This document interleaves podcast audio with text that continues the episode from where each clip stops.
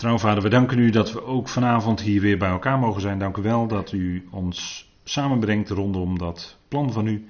Dank u wel dat we dat mogen bekijken, wat uw woord daarvan zegt. Dank u wel dat u degene bent die alles in handen heeft. Vader, daar zijn we van overtuigd geworden in de loop van de tijd.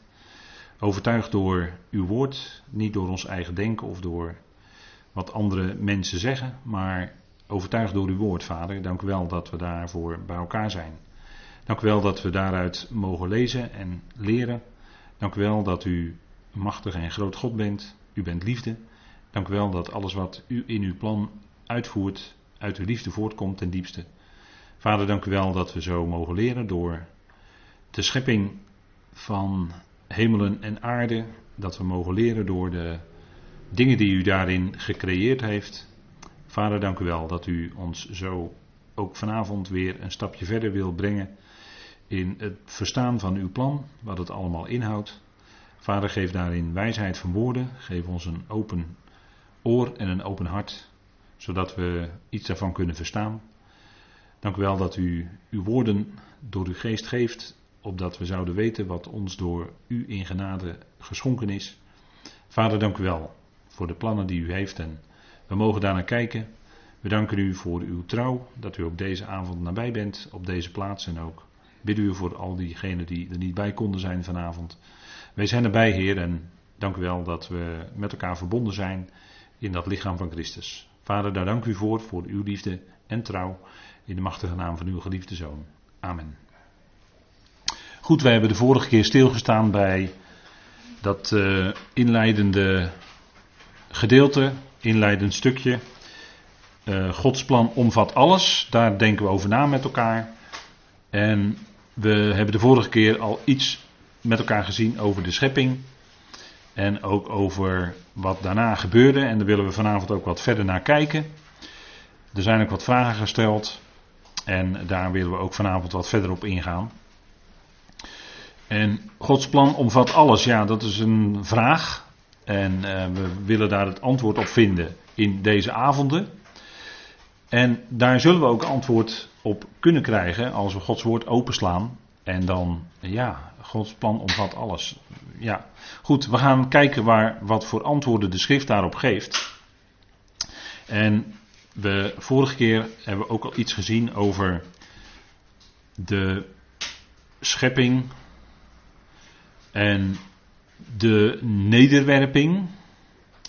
Genesis 1 vers 1 hè, hebben we met elkaar gelezen. Nou, we hebben gezien dat is eigenlijk een mededeling die ons gedaan wordt.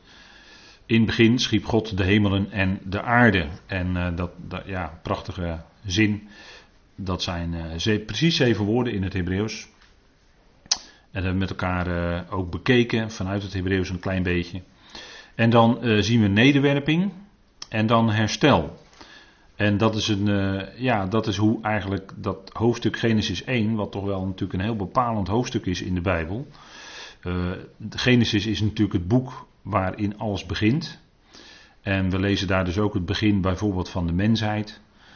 Um, ja, en nog wel meer beginnen. Het begin van het volk Israël. En de roeping van de aartsvaders ging daar natuurlijk aan vooraf. Allemaal begin. Zo begint Genesis 1 dan ook met vers 1, de schepping. De schepping van de hemelen en de aarde. En um, dat wordt altijd gelezen als een uh, tweevoud. De hemelen. Ha-shamayim. Maar ik zeg daar wel bij, ik spreek het zo uit, ha-shamayim. Maar dat is de uitspraak van de Mazoreten. En u weet sinds de vorige keer wat Mazoreten zijn. Dat zijn die mensen die al die tekentjes en symbooltjes bij de Hebreeuwse tekst hebben geplaatst. Vorige keer heb ik daar iets over gezegd. Dat, uh, omdat het Hebreeuws in principe een consonantentekst is, dus een medeklinkertekst. En die uh, werd dan wel uitgesproken, maar dat stond niet op papier en dat werd uitgesproken. En op basis van die uitspraak en een stuk traditie hebben de Mazoreten dat vastgelegd in uh, zeg maar ongeveer de 9e eeuw. En, dat, uh, en de, de Masoretische tekst die dan, die dan nu nog gelezen wordt, dat noemt men de tekst die samengesteld is door een aantal rabbijnen die bij het meer van Tiberias zich verzameld hadden en aan die tekst dus die tekentjes hebben toegevoegd, zodat vastgehouden kon worden hoe het uitgesproken moest worden. Maar daar, is natuurlijk wel, daar zit natuurlijk wel een stukje traditie bij. En die uh, traditie, ja, traditie, dat weet u, dat, dat kan heel hardnekkig zijn. Maar in tradities, ja, traditie is natuurlijk niet, onve, uh, is de, niet onfeilbaar. Kijk, de Heilige Schrift, Gods woord wel, dat is, dat is vast, dat is zeker. Maar die tradities eromheen, ja, daar moet je altijd toch een beetje voorzichtig mee zijn. Dus ook met die uitspraak en dus ook met die tekentjes die eraan toe zijn gevoegd. Dat is dus niet de oorspronkelijke tekst. Er zijn ook mensen die de tekst kunnen lezen, heb ik vorige week genoemd, zonder die tekentjes. Hè. Die hebben gewoon een tenag zonder al die tekentjes en die lezen dan ook die tekst. Dus een consonantentekst. Later zijn daar dus klinkers aan toegevoegd.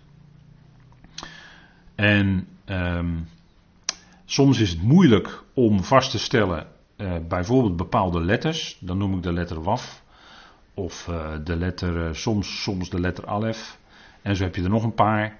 En dat noemen ze dan ook wel leesmoeders. En leesmoeders, dat zijn dus toegevoegde letters die dan bepalen hoe je, hoe je zo'n woord moet lezen. Maar er is niet altijd duidelijk of het dan gaat in woorden om een leesmoeder, of dat het gaat om echt een woord wat behoorde tot de Hebreeuwse tekst. Maar goed, ik ga daar niet verder op in, want dan verzeilen we in Hebreeuwse grammatica. Uh, het, ik wil wel even, dat zeg ik, waarom zeg ik dat? Omdat ik nu het heb over het woord shamayim. Maar als je het leest in het Hebreeuws staat er eigenlijk shamim. En im in het Hebreeuws, een uitgang im bij een zelfstandig naamwoord, is een meervoud. Is, en je weet niet of het dan om twee gaat of meer. En bij shamayim Kennelijk is, is men er altijd van uitgegaan dat het daarbij ging om twee, twee hemelen. En dus hebben ze dat als een tweevoudsuitspraak, is dat, heeft dat zich ontwikkeld, is het shamayim geworden. Dus dat even over de historie, hoe zo'n woord dan ook ontwikkelt hè, in de loop van de tijd. Um, op zich is dat niet, zo'n, niet zo heel erg uh, vervelend hoorde. Of het nou een tweevoud is of dat het misschien nog meer zou kunnen zijn. Op zich is dat ook weer niet zo'n bezwaar. Maar we gaan er toch altijd vanuit dat er twee hemelen zijn. En uh, de aarde, en later heeft men natuurlijk ontdekt dat de aarde omgeven is door de atmosfeer. En dan heb je nog de stratosfeer. Nou, daarom kunt u dan denken, hè, de atmosfeer en de stratosfeer.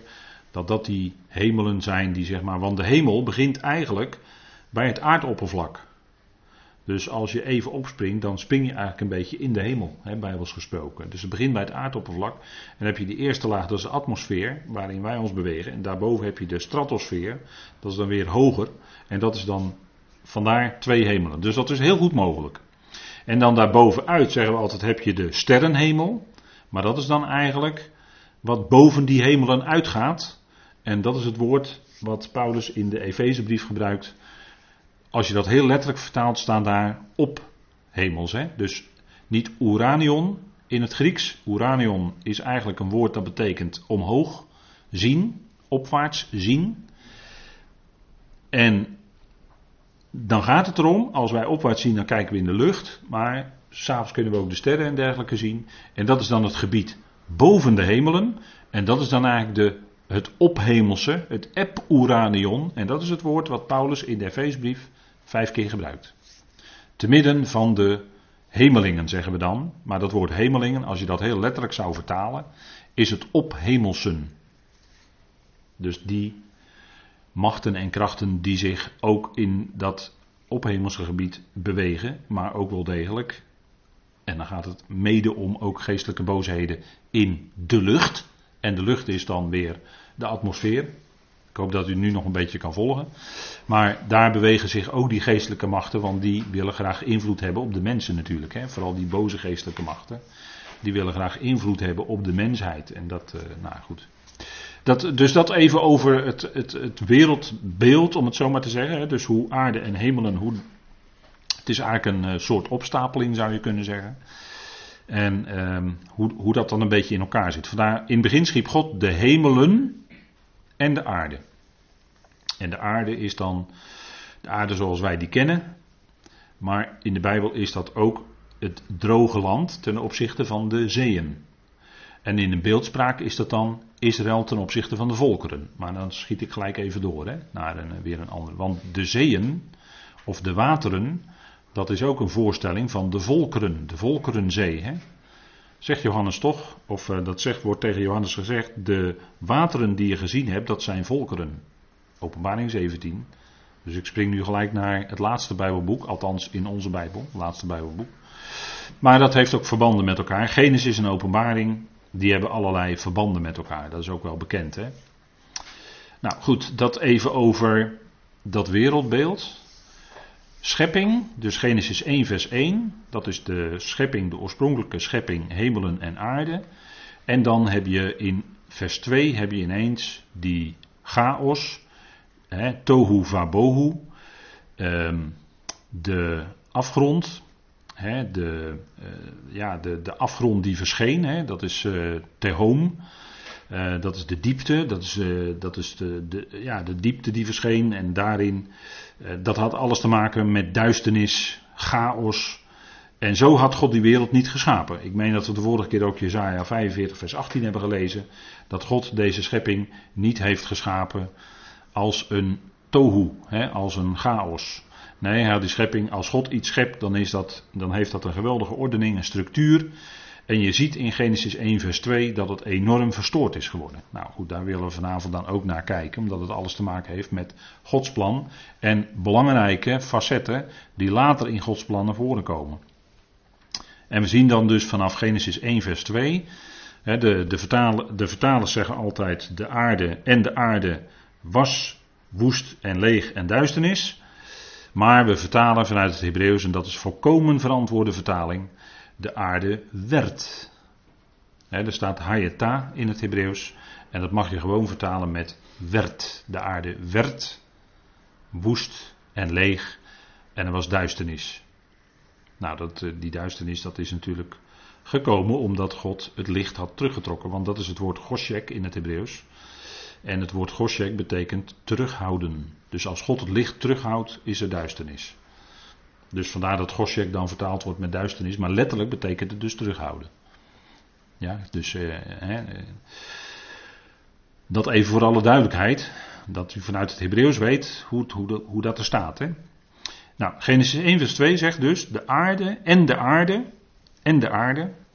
Want er staat eigenlijk gewoon en de aarde, hè, want in de NBG is het, dan zeg ik, dat, maar nu mag, die neem ik voor mijn rekening. In de NBG vind ik het tendentieus vertaald doordat ze vertalen de aarde nu was. Dan lijkt het net alsof God dat zo eerst had zo geschapen, want dat, is dat was ook de opvatting van de NBG-vertalers, dat God het zo had geschapen en dat hij dan in die zeg maar vormeloze klomp, dat hij daarin orde ging scheppen en dat dat allemaal onderdeel was van zijn schepping vanaf Genesis 1 vers 1. Maar dat is de opvatting van de NBG-vertalers. Dat, is, uh, dat is aanvechtbaar, vind ik, omdat je met, uh, met dat woord, dat hayeta, kun je ook gewoon vertalen. Dat is gewoon het woord worden. Worden in het Hebreeuws.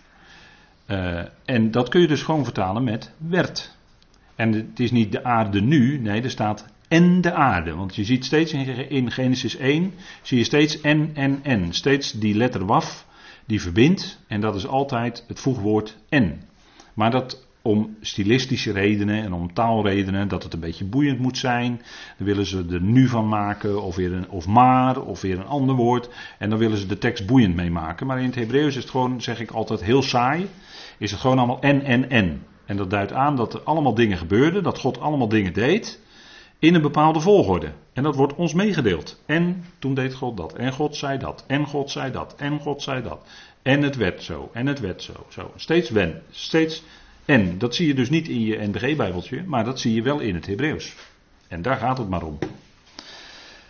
Dus Genesis 1, vers 2. En het vervolg daarvan is dus niet de, het scheppingswerk wat God doet, want dat is wat altijd ook wordt aangevochten door de seculieren ten opzichte van de christenen.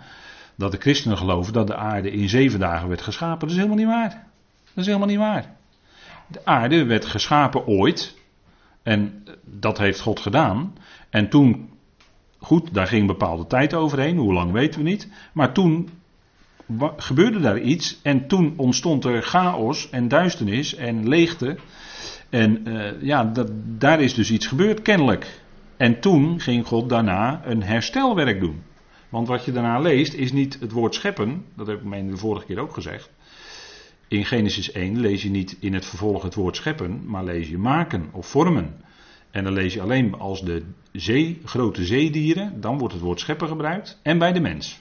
Dan wordt ook het woord schepper gebruikt. Bara in het Hebreeuws. En voor de rest wordt er gesproken over maken of doen. Of ja, maken en doen is eigenlijk hetzelfde Hebreeuwse woord weer. Hè? Dat is eigenlijk. Uh, en vormen. Uh, maken en doen is eigenlijk aza in het Hebreeuws. En vormen is uh, yatsar. Daar hebben we ook het woord pottenbakker van. Die dan, als, die dan in de klei allerlei. ja, die maakt allerlei instrumenten uit die klei. Hè? Ook de mens bijvoorbeeld. Nou, dat. Dus Genesis 1, vanaf Genesis 1, vers 2 is het een herstel, is het een restauratie of een restitutie. Vandaar dat er dan gesproken wordt over de restitutieleer. Nou, dat is uh, denk ik toch uh, duidelijke zaak hoor, uit, uh, uit Genesis 1. Wat was dan de oorzaak daarvan? Nou, dat is wat we hier ook zien in de in, dat heeft die Genesis 1 vers 2, die, uh, die duisternis en die chaos, dat heeft alles te maken met de tegenstander. En dan komen we dus bij een punt wat, uh, wat in de theologie al vele, vele eeuwen uh, naar voren is gebracht. Dat er een, een, een goede, een hemelswezen was wat oorspronkelijk goed was, maar wat later gevallen is. De zogenaamde val van Satan. En daar koppelt men dan ook aan dat Adam en Eva ook gevallen zijn. De zondeval van Adam wordt dan over gesproken. Daar spreekt de schrift nooit over. Hè? De schrift gebruikt het woord val met betrekking tot het zondigen van Adam niet. Wel dat Adam gezondigd heeft, maar niet dat Adam viel. En de schrift laat eigenlijk ook niet zien dat de, wat dan genoemd wordt, de tegenstander of de Satan, dat dat oorspronkelijk een goede engel was of een goede hemelswezen, wat later in zonde is gevallen. Zo spreekt de schrift er helemaal niet over.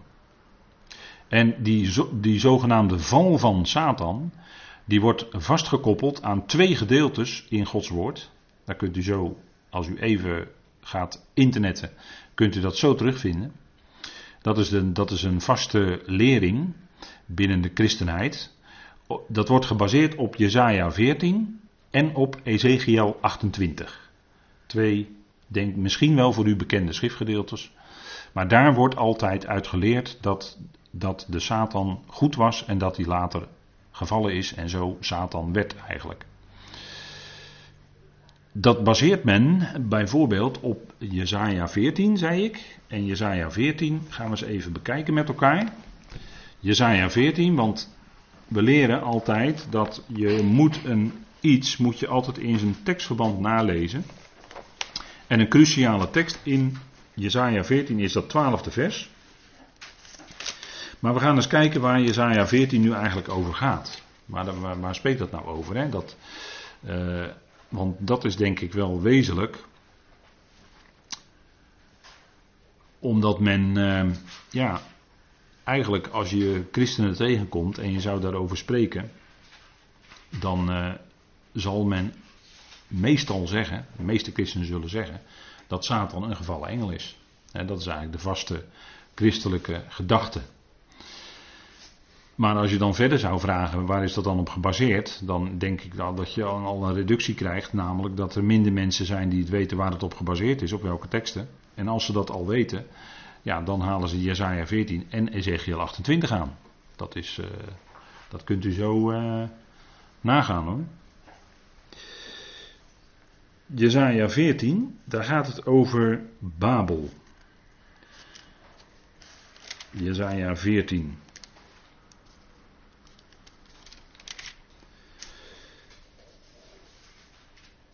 En misschien is het goed om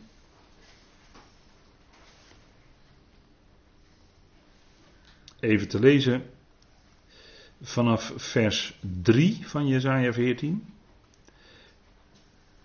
En daar staat, en het zal geschieden op de dag waarop de Heer u, jullie rust zal geven van jullie smart, jullie onrust, de harde slavenarbeid die men jullie heeft doen verrichten. Dus hier spreekt de profeet tegen het volk Israël. Hè? Dat u dit spotlied zult aanheffen op de koning van Babel. En u zult zeggen, hoe houdt de onderdrukker op? Opgehouden is de onderdrukking. De Heer heeft de stok van de goddelozen gebroken, de staf van de heersers, die volken sloeg in verbolgenheid, met slagen zonder ophouden, die in toren over de heidevolken heerste, met een vervolging zonder inhouden. Nu komt heel de aarde tot rust en stilte. Men breekt uit in gejuich. Zelfs de cipressen verblijden zich over u. De ceders van Libanon zeggen: Sinds u daar geveld ligt, klimt niemand omhoog om ons om te hakken.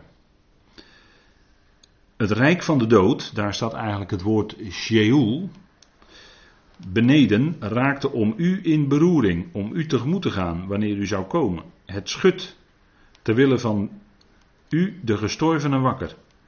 Al de leiders van de aarde. Het laat van hun tronen opstaan al de koningen van de volken. Zij zullen allemaal het woord nemen en zeggen tegen u: Ook u bent zo zwak geworden als wij. U bent aan ons gelijk geworden.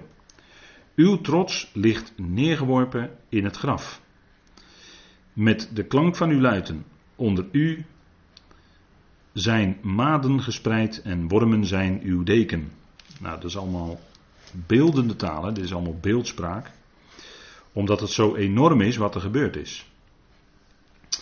En dan staat er in vers 12: Hoe bent u uit de hemelen gevallen? Morgenster, zoon van de dageraad. U ligt geveld op de aarde, overwinnaar over de heidevolkeren. En u zei in uw hart: Ik zal opstijgen naar de hemelen tot boven Gods sterren. Zal ik mijn troon verheffen? Ik zal zetelen op de berg van de ontmoeting aan de noordzijde. Ik zal opstijgen boven de wolkenhoogten. Ik zal mij gelijkstellen met de Allerhoogste. Echter, u bent in het rijk van de dood neergestort. In het diepst van de kuil. Wie u zien, kijken u aan en letten op u. Is dit nu die man die de aarde deed sidderen, die koninkrijken deed beven, die van de wereld een woestijn maakte, haar steden met de grond gelijk maakte, zijn gevangenen los niet om naar huis te gaan. Nou, even tot zover. Dit, dit gaat dus over de koning van Babel. En dit ziet op het moment dat hij definitief verslagen is. Dus zijn we dus voorbij, hier zijn we al voorbij de grote verdrukking over Israël.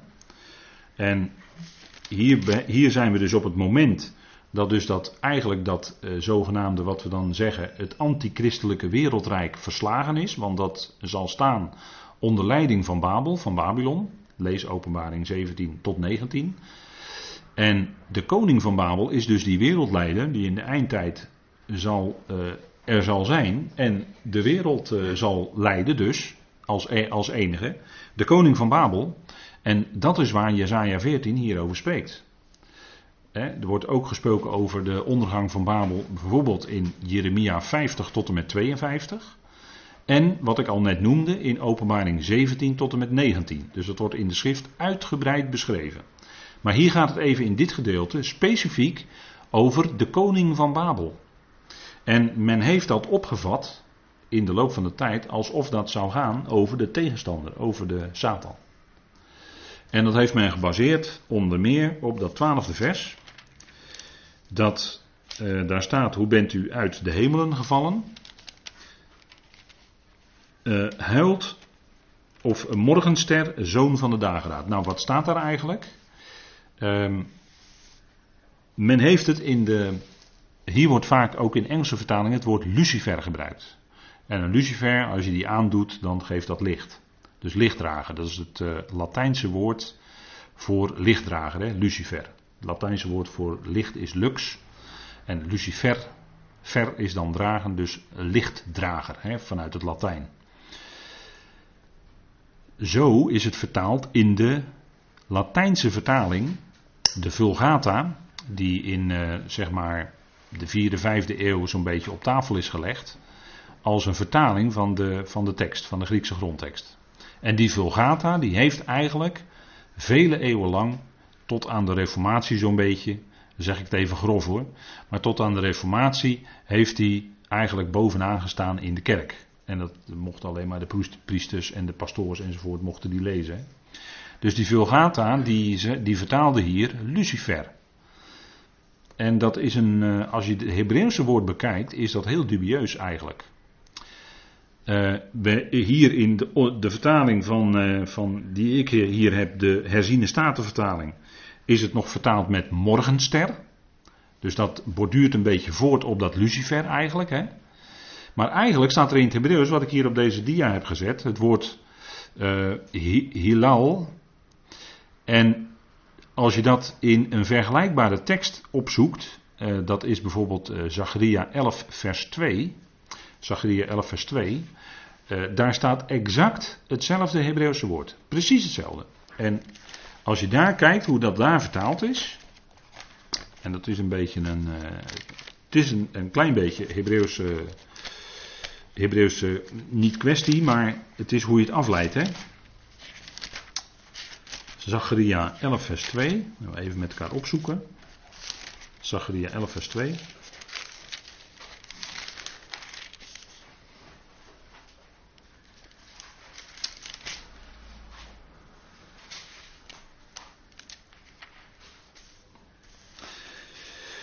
Wordt gesproken over twee stokken, maar dat is ook weer in, in eh, beeldspraak. Hè.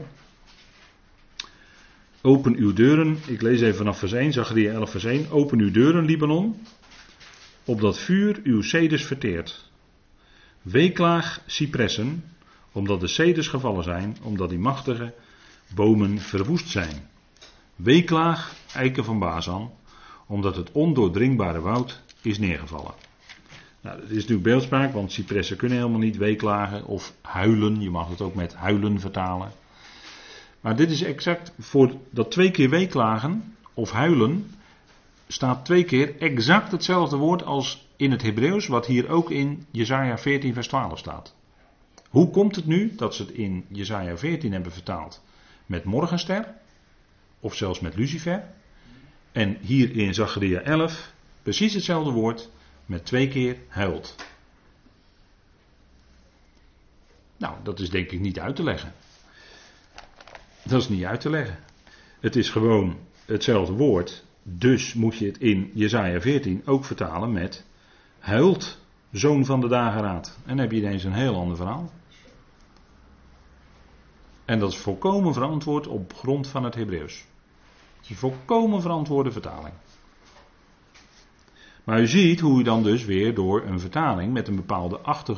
Natuurlijk heeft daar een gedachte achter gezeten om het zo te willen vertalen. Omdat in vers 12 gezegd wordt: Hoe bent u uit de hemelen gevallen? Ja. En dan heeft men waarschijnlijk gedacht aan dat de Satan in openbaring wordt hij inderdaad uit de hemel gestoten en komt hij op aarde. Openbaring 12, hè. Met de studies van openbaring hebben we dat behandeld. En heeft men gedacht van ja, dus moet het hier om de tegenstander gaan. Hier moet het hier om de Satan gaan. Want die, die, zal, die is ook uit de hemel gevallen, of die zal uit de hemel vallen. Of ze dat dan al wisten, ja of nee. Maar dat zou ik me kunnen voorstellen. Alleen, nu gaan we kijken naar de context, want dat is wel bepalend. Hè? Uh, de context hier is, over wie gaat dit?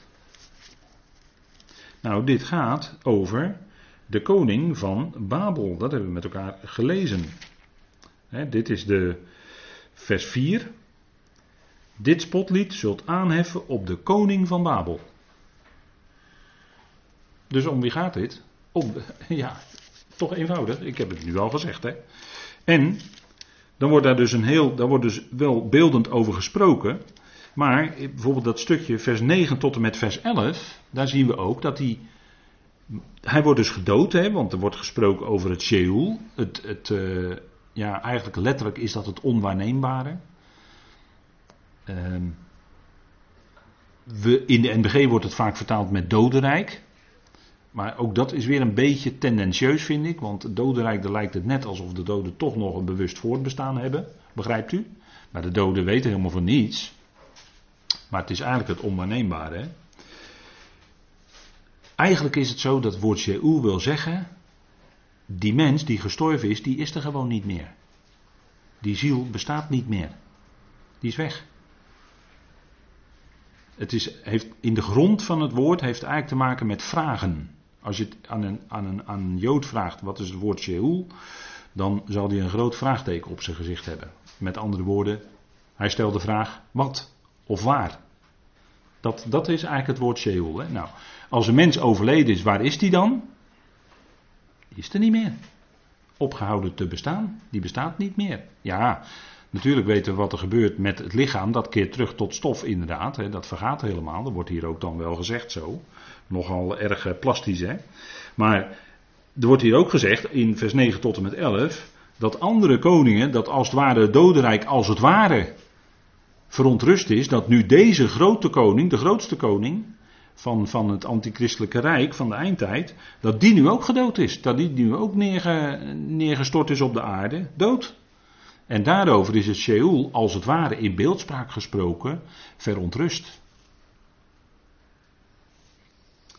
En dat is wat, uh, wat dan ook in. Kijk, en dat het niet gaat om een geestelijke macht, maar om een mens. Dat blijkt uit vers 16, waar staat: Is dit nu die man? Die de aarde deed sidderen, die koninkrijken deed beven. Dus dat was de koning op de troon. De, de wereldleider van de eindtijd. En die is hier ter dood gebracht en verslagen met zijn hele rijk. Of ja, met de hele stad. Vooral, vooral de stad Babylon. Maar dus dat hele rijk wat het voorstelt. Dus nu hebben we even zo wat verkenningen gedaan in die context. En dan, hé, hey, wacht even. Kijk, dat hij, zoon, dat hij zichzelf liet noemen zoon van de dageraad. Ja, dat is zeker daar in dat Midden-Oosten helemaal niet zo gek. Daar houden ze graag van zulke grootspraak dan nemen ze graag, graag, grote woorden in de mond.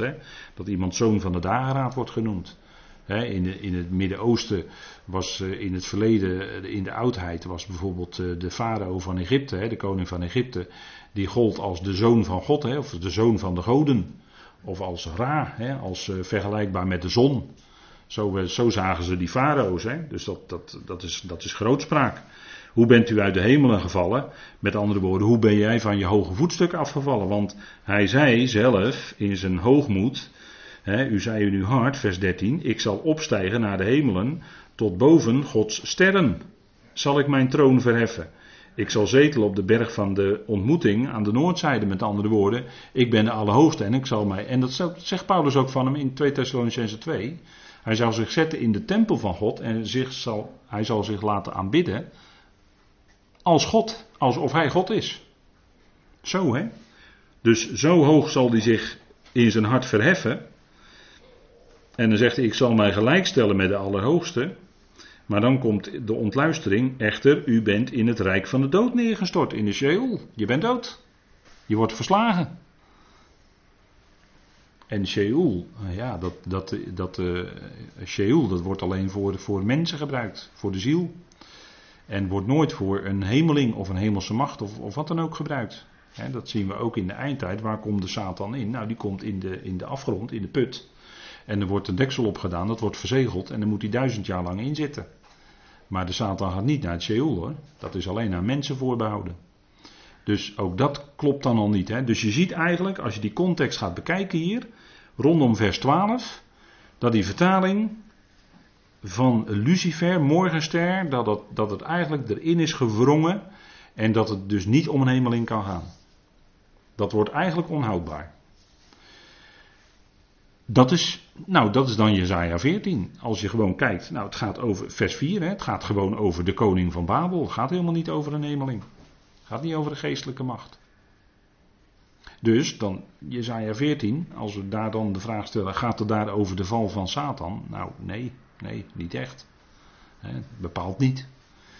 Dan hebben we nog één, nog een tekst, en dat is, uh, dat is Ezekiel 28. Ezekiel 28.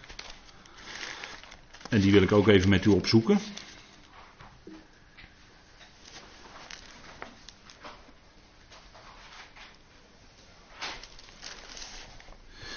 En ook hier struikelen we weer over de vertaling die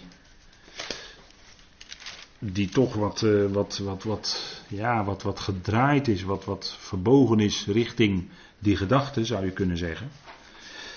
En, maar we gaan maar lezen waar het dan in Ezekiel 28 over gaat. En dat is dan vooral vanaf vers 11 tot en met vers 19 dat stukje. Daar wordt dan ook de val van de goede engel die dan Satan werd opgehangen. En er staat in eh, Ezekiel 28. Het woord van Yahweh kwam tot mij, mensenkind, hef een klaaglied aan over de koning van Tyrus. En zeg tegen hem, zo zegt de Heere Heere, een u toonbeeld van voorkomenheid, vol wijsheid en volmaakt van schoonheid. U was in, in Eden de hof van God. Allerlei gesteente was uw sieraad. Robijn, topaas en diamant, turkoois, onyx en jaspis, saffier, smaragd, beryl en goud. Het werk van uw tamboerijnen en uw fluiten was bij u. Op de dag dat u geschapen werd, waren ze gereed. U was een gerub die zijn vleugels beschermend uitspreidt. Daarvoor heb ik u aangesteld. U was op Gods heilige berg. U wandelde te midden van vurige stenen. Volmaakt was u in uw wegen, vanaf de dag dat u geschapen werd, totdat er ongerechtigheid in u werd gevonden. En door de overvloed van uw handel vulde men uw midden met geweld en ging u zondigen. Daarom verbande ik u van de berg van God en deed ik u verdwijnen, beschermende Gerub, uit het midden van de vurige stenen. Vanwege uw schoonheid was uw hart hoogmoedig. U richtte uw wijsheid te gronden vanwege uw luister. Ik wierp u ter aarde, ik stelde u voor koningen, opdat zij op u neer zouden zien. Vanwege de overvloed van uw ongerechtigheden, door uw oneerlijke handel, ontheiligde u uw heiligdommen. Daarom deed ik een vuur uit uw midden oplaaien, en dat verteerde u. Ik maakte u tot een hoop as op de grond voor de ogen van allen die naar u keken. Alle onder de volken die u kennen zijn ontzet over u. U bent een voorwerp van verschrikking geworden. U zult niet meer zijn tot in eeuwigheid. Tot zover.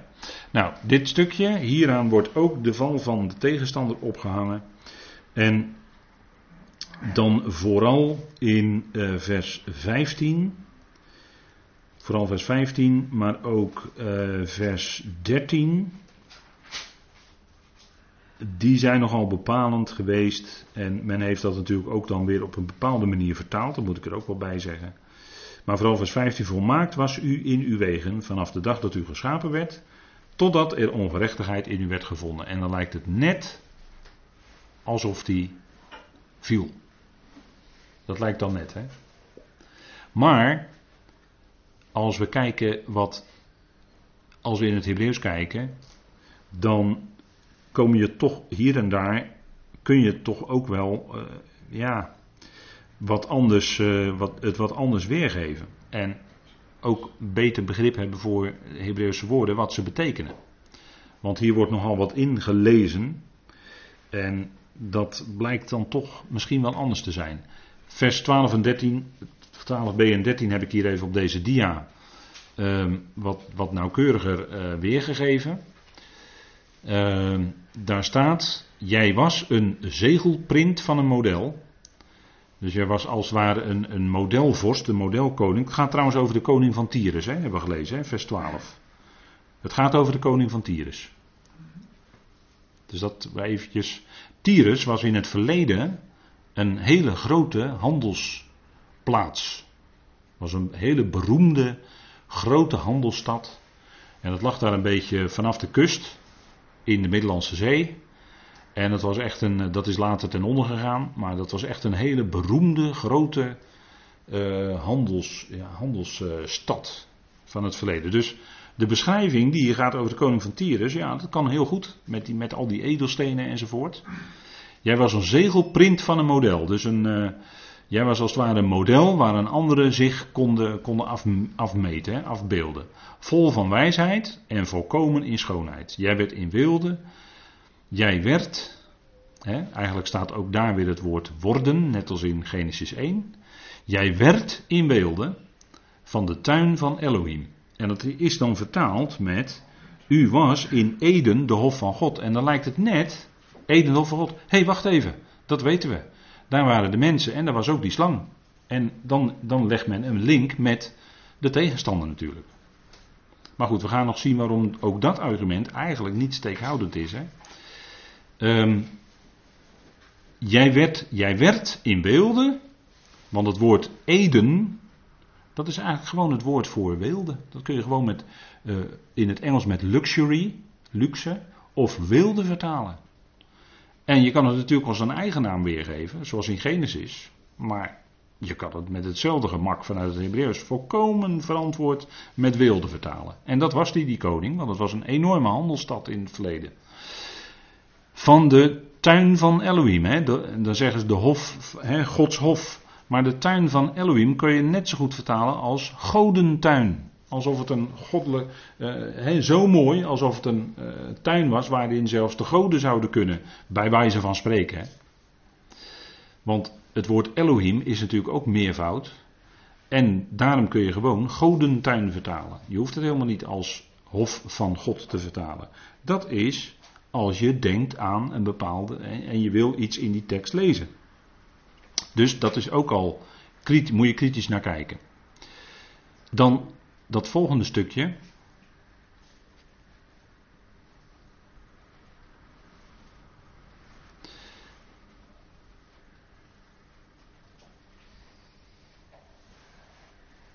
En daarin heeft men de val van Satan gelezen. In de dag van jouw schepping stelde men de tent van de gezalfde Gerub.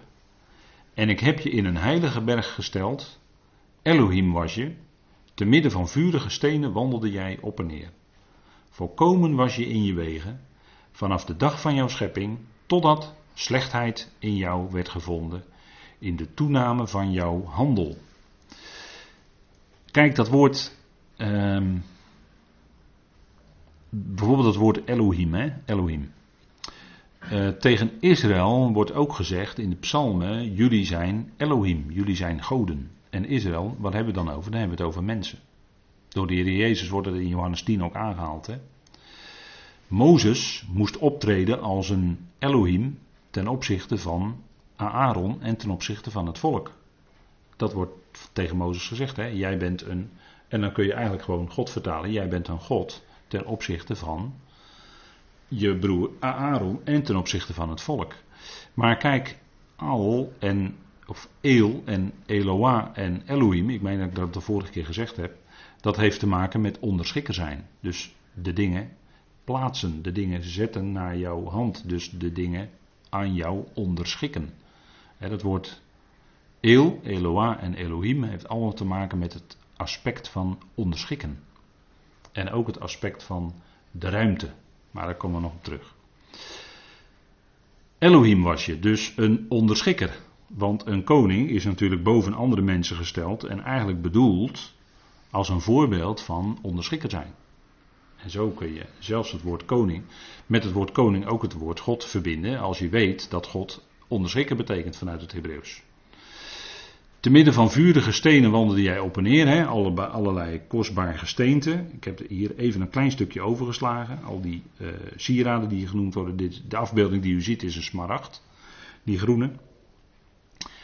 En dan staat er: volkomen was je in je wegen. En er wordt er gesuggereerd dat het een engel was die eerst zonder zonde was, want daar gaat het om, hè? was zonder zonde. En dat hij daarna in zonde is gevallen. Maar dat woord volkomen in het Hebreeuws, dat is het woord tamim. En het woord tamim, dat betekent gaaf. Volkomen zijn, ja zeker.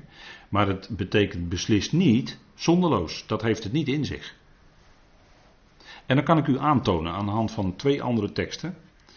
Want wie waren ook volkomen in hun weg die ze gingen, dat was bijvoorbeeld Noach. We maar even kijken. Noach in Genesis 6, vers 9.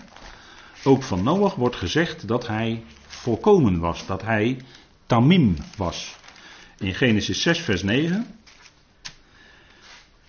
Daar staat: Dit zijn de afstammelingen van Noach.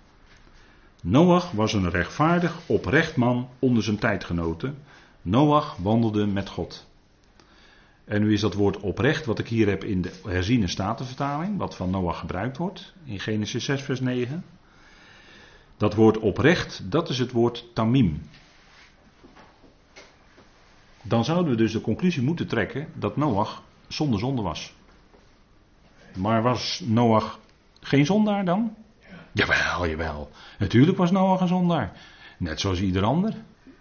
Noach had net zo eh, het nodig om gerechtvaardigd te worden dan dat wij, als dat wij dat waren hoor. Dus dat woord, het is dan hier ook vertaald met oprecht, maar het is gewoon het woord tamim. Dus je zou ook met het woord met volkomen, je zou het met volkomen kunnen vertalen. Hij was een volkomen man onder zijn tijdgenoten. Hoe dan? Nou, hij wandelde wel in de weg die God voor hem bepaald had. Een rechtvaardig man. Hij ging ook in opdracht van God natuurlijk die ark bouwen enzovoort. Zo was hij wel bezig. Maar hij was niet zonderloos. Wel nee, tuurlijk niet. Hij was ook een Adamiet. En elke Adamiet is een zondaar. Want elke Adamiet is stervend en dus een zondaar. zo, zo spreekt Paulus dan later over in Romeinen 5. dat mogen duidelijk zijn, dat weet u. Dus Noach was een zondaar. En toch wordt er van hem gezegd: een oprecht man, een volkomen man onder zijn tijdgenoten. Ik heb er nog één voor u. Psalm 18. Psalm 18.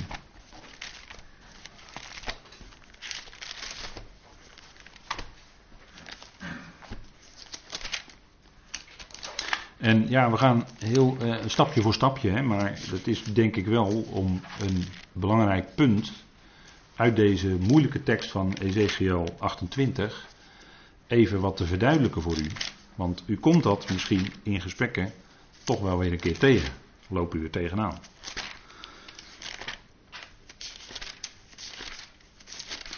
Psalm 18.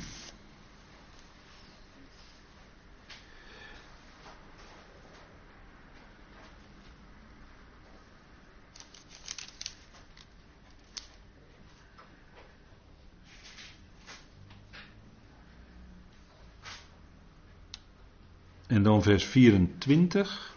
Psalm 18, vers 24. En lees ik met u even vanaf vers 23. Want al zijn bepalingen hield ik voor ogen, zijn verordeningen deed ik niet van mij weg. Maar ik was oprecht voor hem. Ik was op mijn hoede voor mijn ongerechtigheid. En ook hier in vers 24 is datzelfde woord tamim vertaald met oprecht. En hier gaat het natuurlijk over een. Eh, psalm 18 is een psalm van David. Nou, we kunnen ook niet beweren met elkaar dat David zonderloos was. David was ook een zondaar. Net als ieder andere mens. Was gewoon een mens. Hij was koning. Maar hij bleek wel zondaar te zijn. Zeker. Was gewoon een mens, een Adamiet ook. Dus ook van David wordt gezegd: oprecht, Tamim, ik was oprecht voor hem, maar was zeker niet zonderloos. Dat kan je niet zeggen natuurlijk van koning David. Dus we zien hier opnieuw dat het Hebreeuwse woord, wat in, en dan gaan we even terug naar Ezekiel 28, wat daar met volkomen is vertaald, dat het beslist niet betekent zonderloosheid. En nu heb je weer, nu hebben mensen die willen beweren dat Satan een gevallen engel is, weer een argument minder. Want dan kun je niet meer hard maken dat dit over de Satan gaat. Volkomen was je in je wegen. En natuurlijk, dat kan, dat kan bij mensen aan de buitenkant inderdaad eh, heel. Mensen kunnen heel eh, goede en zelfs volkomen wegen gaan. Dat, dat kan. Mensen kunnen heel recht, rechtschapen zijn en de dingen goed doen in het leven.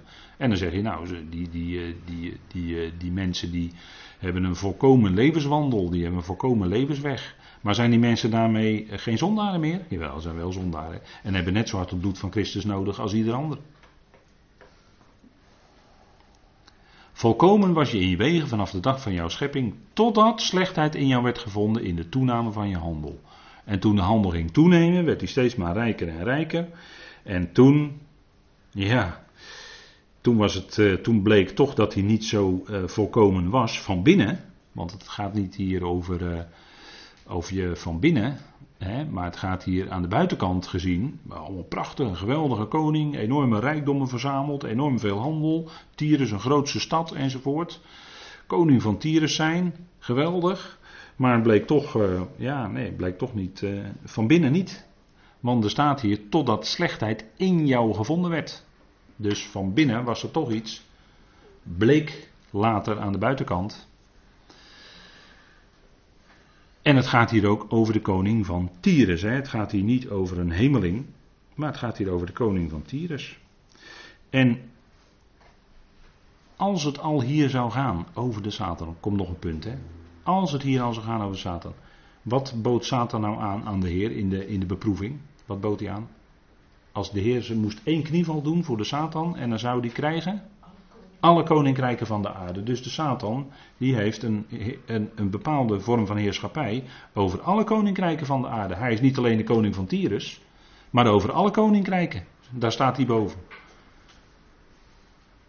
Hij is, de, uh, hij is de vorst van het volmachtsgebied van de lucht. En hij is de God van deze eon. Hij heeft een enorme macht hoor.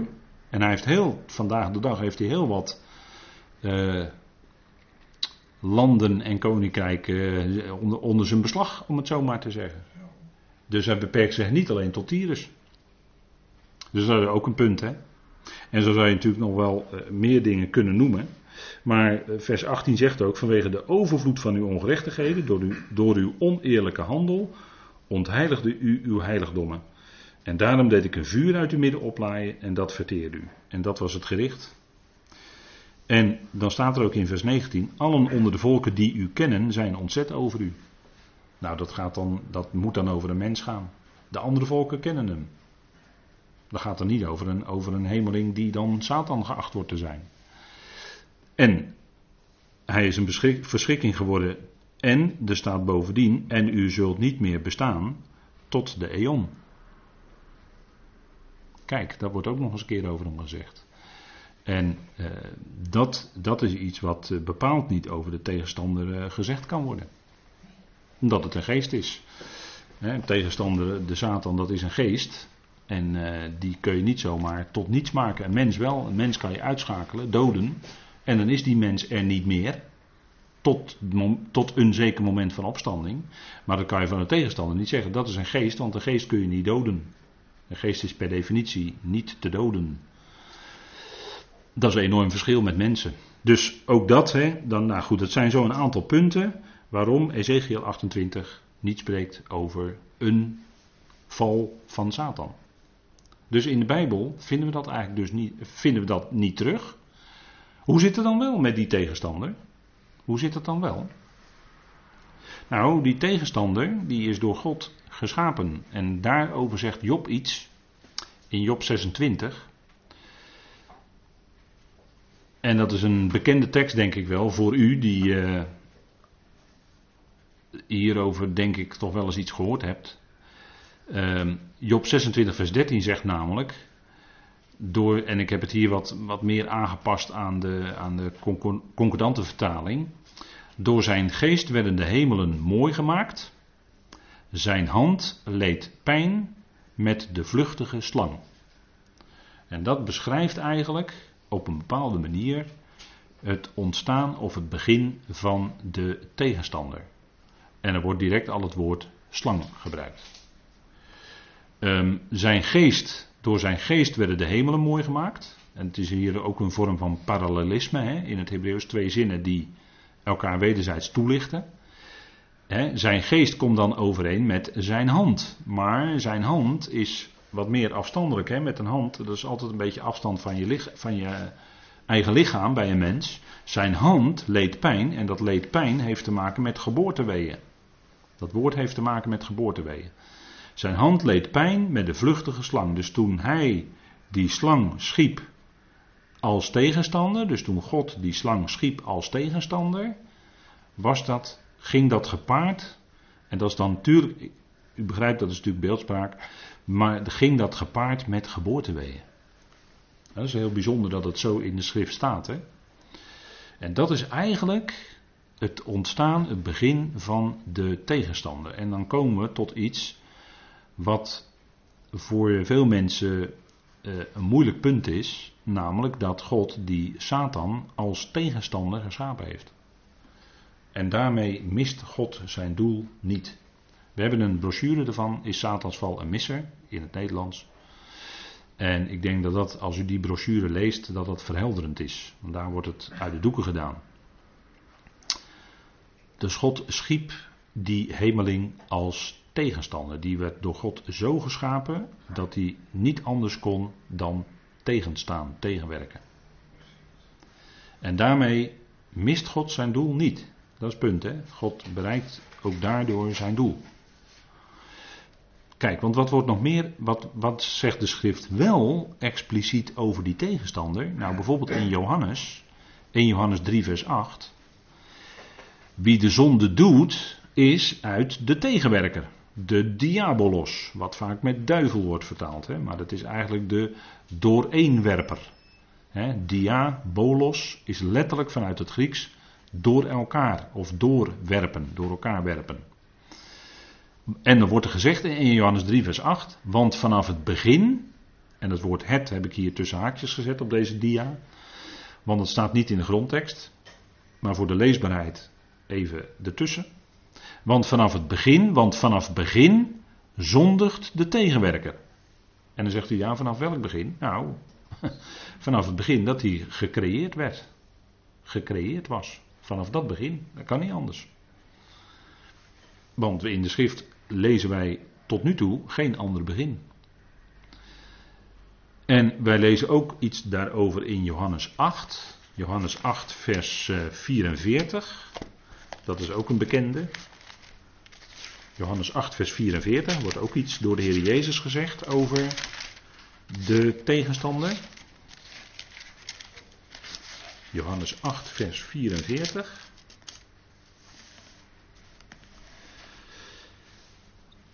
En daarin is de Heer Jezus in een van die vele twistgesprekken met de fariseeën en schriftgeleerden, zoals we dat in Johannes wel vaker terugvinden.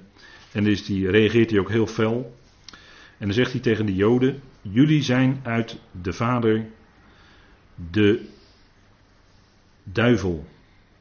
De diabolos staat hier ook, hè, de dooreenwerpen. Want, want jullie willen de begeerte van jullie vader doen.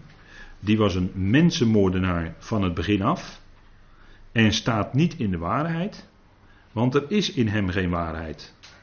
Wanneer hij de leugen spreekt, spreekt hij vanuit wat van hemzelf is. Want hij is een leugenaar en de vader ervan. Dus dit wordt heel duidelijk gezegd van die diabolos, van de duivel, van de tegenstander. Dat hij een mensenmoorder was vanaf het begin. Dus vanaf het begin dat hij met mensen te maken kreeg, was hij eruit, was hij erop uit. En hij staat niet in de waarheid. Hij staat niet in de waarheid. Hij heeft er niet in gestaan en hij staat er niet in. Want, zegt de Heer, want er is in hem geen waarheid. Wanneer hij de leugen spreekt, spreekt hij vanuit wat van hemzelf is. Spreekt hij naar zijn aard, om het zo maar te zeggen. Hè? Dus naar zijn wezen. Hij is een leugenaar. Vanaf het begin. Dat is wat hij doet. Liegen en de zaak, eh, zaak willen verdraaien. Begon hij, eh, toen hij de mensen tegenkwam, begon hij daar gelijk mee. Uitspraken van God verdraaien. Dat is de tegenstander. Zo spreekt de schrift erover. Vanaf het begin zondigt hij. Hij heeft niet in de waarheid gestaan en staat niet in de waarheid. Is een leugenaar en een mensenmoorder vanaf het begin. Dat wordt wel gezegd over de tegenstander in de schrift. En we hebben van Job, vanuit Job gezien dat God hem als zodanig, als slang, als vluchtige slang, schiep. Dus die tegenstander, die is dan door God gecreëerd om dat te doen wat hij in dat plan van God ook moest doen, namelijk tegenwerken. En daardoor, hij, eh, hij heeft een enorme macht, hè? want in de openbaring wordt hij dan, u ziet op het plaatje hier een draak, deze staat in, uh, ben ik even weer kwijt helaas. Klagenvoort toch? Ja, Klagenvoort. Ja, Klagenvoort. Um, die draak, die, uh, die kan, uh, hè, zo staat het in de openbaring, uh, een derde van de sterren sleept hij achter zich aan. Dus die sterren is dan een beeldspraak voor de hemelse machten. Hè. Dus hij slaagt erin om een derde van die hemelse machten achter zich aan te krijgen. En zo, dus zo'n enorme macht heeft hij. Hè. Dus het is een heel machtig wezen in feite. Maar wat door God als zodanig geschapen is. En dat is een heel moeilijk punt. Maar er is in de schrift nergens een moment aan te wijzen of een tekst aan te wijzen waarin er een wezen, een, een, een, een hemels of geestelijk wezen heeft bestaan. Wat eerst goed was en wat later in zonde is gevallen en wat dan de Satan werd. Ik kan geen tekst vinden. Ik heb u die twee genoemd waar het aan wordt opgehangen. Maar we hebben gezien dat is een onhoudbare zaak inmiddels geworden. En andere teksten kan ik eigenlijk niet, uh, kan ik niet vinden, kan ik niet terugvinden. En dan hebben we ja, uh, weer een beetje antwoord op onze vraag. Gods plan omvat alles. Ja, dus ook dit. En dit is een heel moeilijk punt. Dat is een heel moeilijk punt. Maar ook de tegenstander kan niet meer doen dan God hem, ja, dan dat hij kan doen. Laat ik het zo maar zeggen. Als we het boek Job lezen, dan zien we dat ook. Hè. Dan komt de Satan, die komt bij die, te midden van de zonen van God. En dan spreekt hij met Yahweh. En dan wil hij dus dat leven van Job, wil hij, dat geloof van Job wil hij aantasten. Het leven van Job wil hij aantasten. En dan kan hij precies tot een bepaalde grens gaan en verder kan hij niet gaan. Dat blijkt uit Job. En zo is het, dat is een beeld, een voorbeeld van hoe het in heel Gods plan natuurlijk gaat. Hij kan niet meer doen dan waartoe hij beperkt is. Hij heeft gewoon allemaal beperkingen. En hij, is niet, hij heeft geen ongelimiteerde macht. Uiteindelijk is hij dus ook in Gods hand, om het zo maar te zeggen. En kon hij ook, was hij ook niet in staat om bijvoorbeeld de Heer, de Heer Jezus toen hij op aarde was, om de Heer eh, in, die, in die uren van beproeving, om de Heer dan als het ware mee te slepen in, uh, in ongerechtigheid of in zonde. Dat lukte hem niet. Kon niet. Dat, uh, ja, hij werd weerstaan door de Heer, hè, door, de, door de macht van het woord. En dat is denk ik wel een belangrijk punt dat we dat goed beseffen. Want kijk, in de, uh, ook in de, in de vele eeuwen christendom heeft men uh, de tegenstander zoveel macht toebedacht. dat hij in staat zou zijn om 95% van de mensheid mee te slepen in definitieve ondergang. En nou, zoveel, dan heb je eigenlijk de zaak omgekeerd. Dan heb je de zaak helemaal omgekeerd. Want eigenlijk is het natuurlijk zo dat uiteindelijk hij niets overhoudt. En uiteindelijk, zelfs uiteindelijk, zal ook die tegenstander veranderen van een vijand, want het is een vijand, maar ook zal die tegenstander veranderd worden van een vijand in een vriend, hoe raar het ook klinkt, als we het over de tegenstander hebben. Maar omdat de schrift zegt dat de laatste vijand die buiten werking gesteld wordt, is de dood, en dat moet dan eigenlijk de tweede dood zijn, als je de schrift nagaat. Dat wil dus zeggen dat dan als die dood, die allerlaatste vijand, of de laatste vijand, als die wordt buiten werking gesteld, dan is dus de tegenstander al buiten werking gesteld. Dat kunnen we ook wel vaststellen, want dat is dus niet de laatste. dat, is, eh, dat mogen duidelijk zijn. Dus ik denk dat, dat dit wel een wezenlijk punt is als we praten over Gods plan. en dat heeft alles te maken met Genesis 1, vers 2. In die eerste periode en, en ik ben er stellig van overtuigd dat, er een eerste tijdperiode was voor Genesis 1, vers 2. En dat in die aion, die eerste aion om het zo maar te zeggen, of olam, als u dat wilt, is daar op een gegeven moment die tegenstander gecreëerd door God. En leidde dat tot rebellie, leidde dat tot opstand. En dat moest een gericht, daar moest een gericht op komen. En als gevolg van het gericht was er gekomen water, chaos, duisternis enzovoort, wat we lezen in vers 2. Dat is het gericht aan het einde, hè, waar het eerste aion mee eindigt. Goed, we, ik eindig ook even deze Bijbelstudie voor nu, want we gaan koffie drinken en dan gaan we straks verder.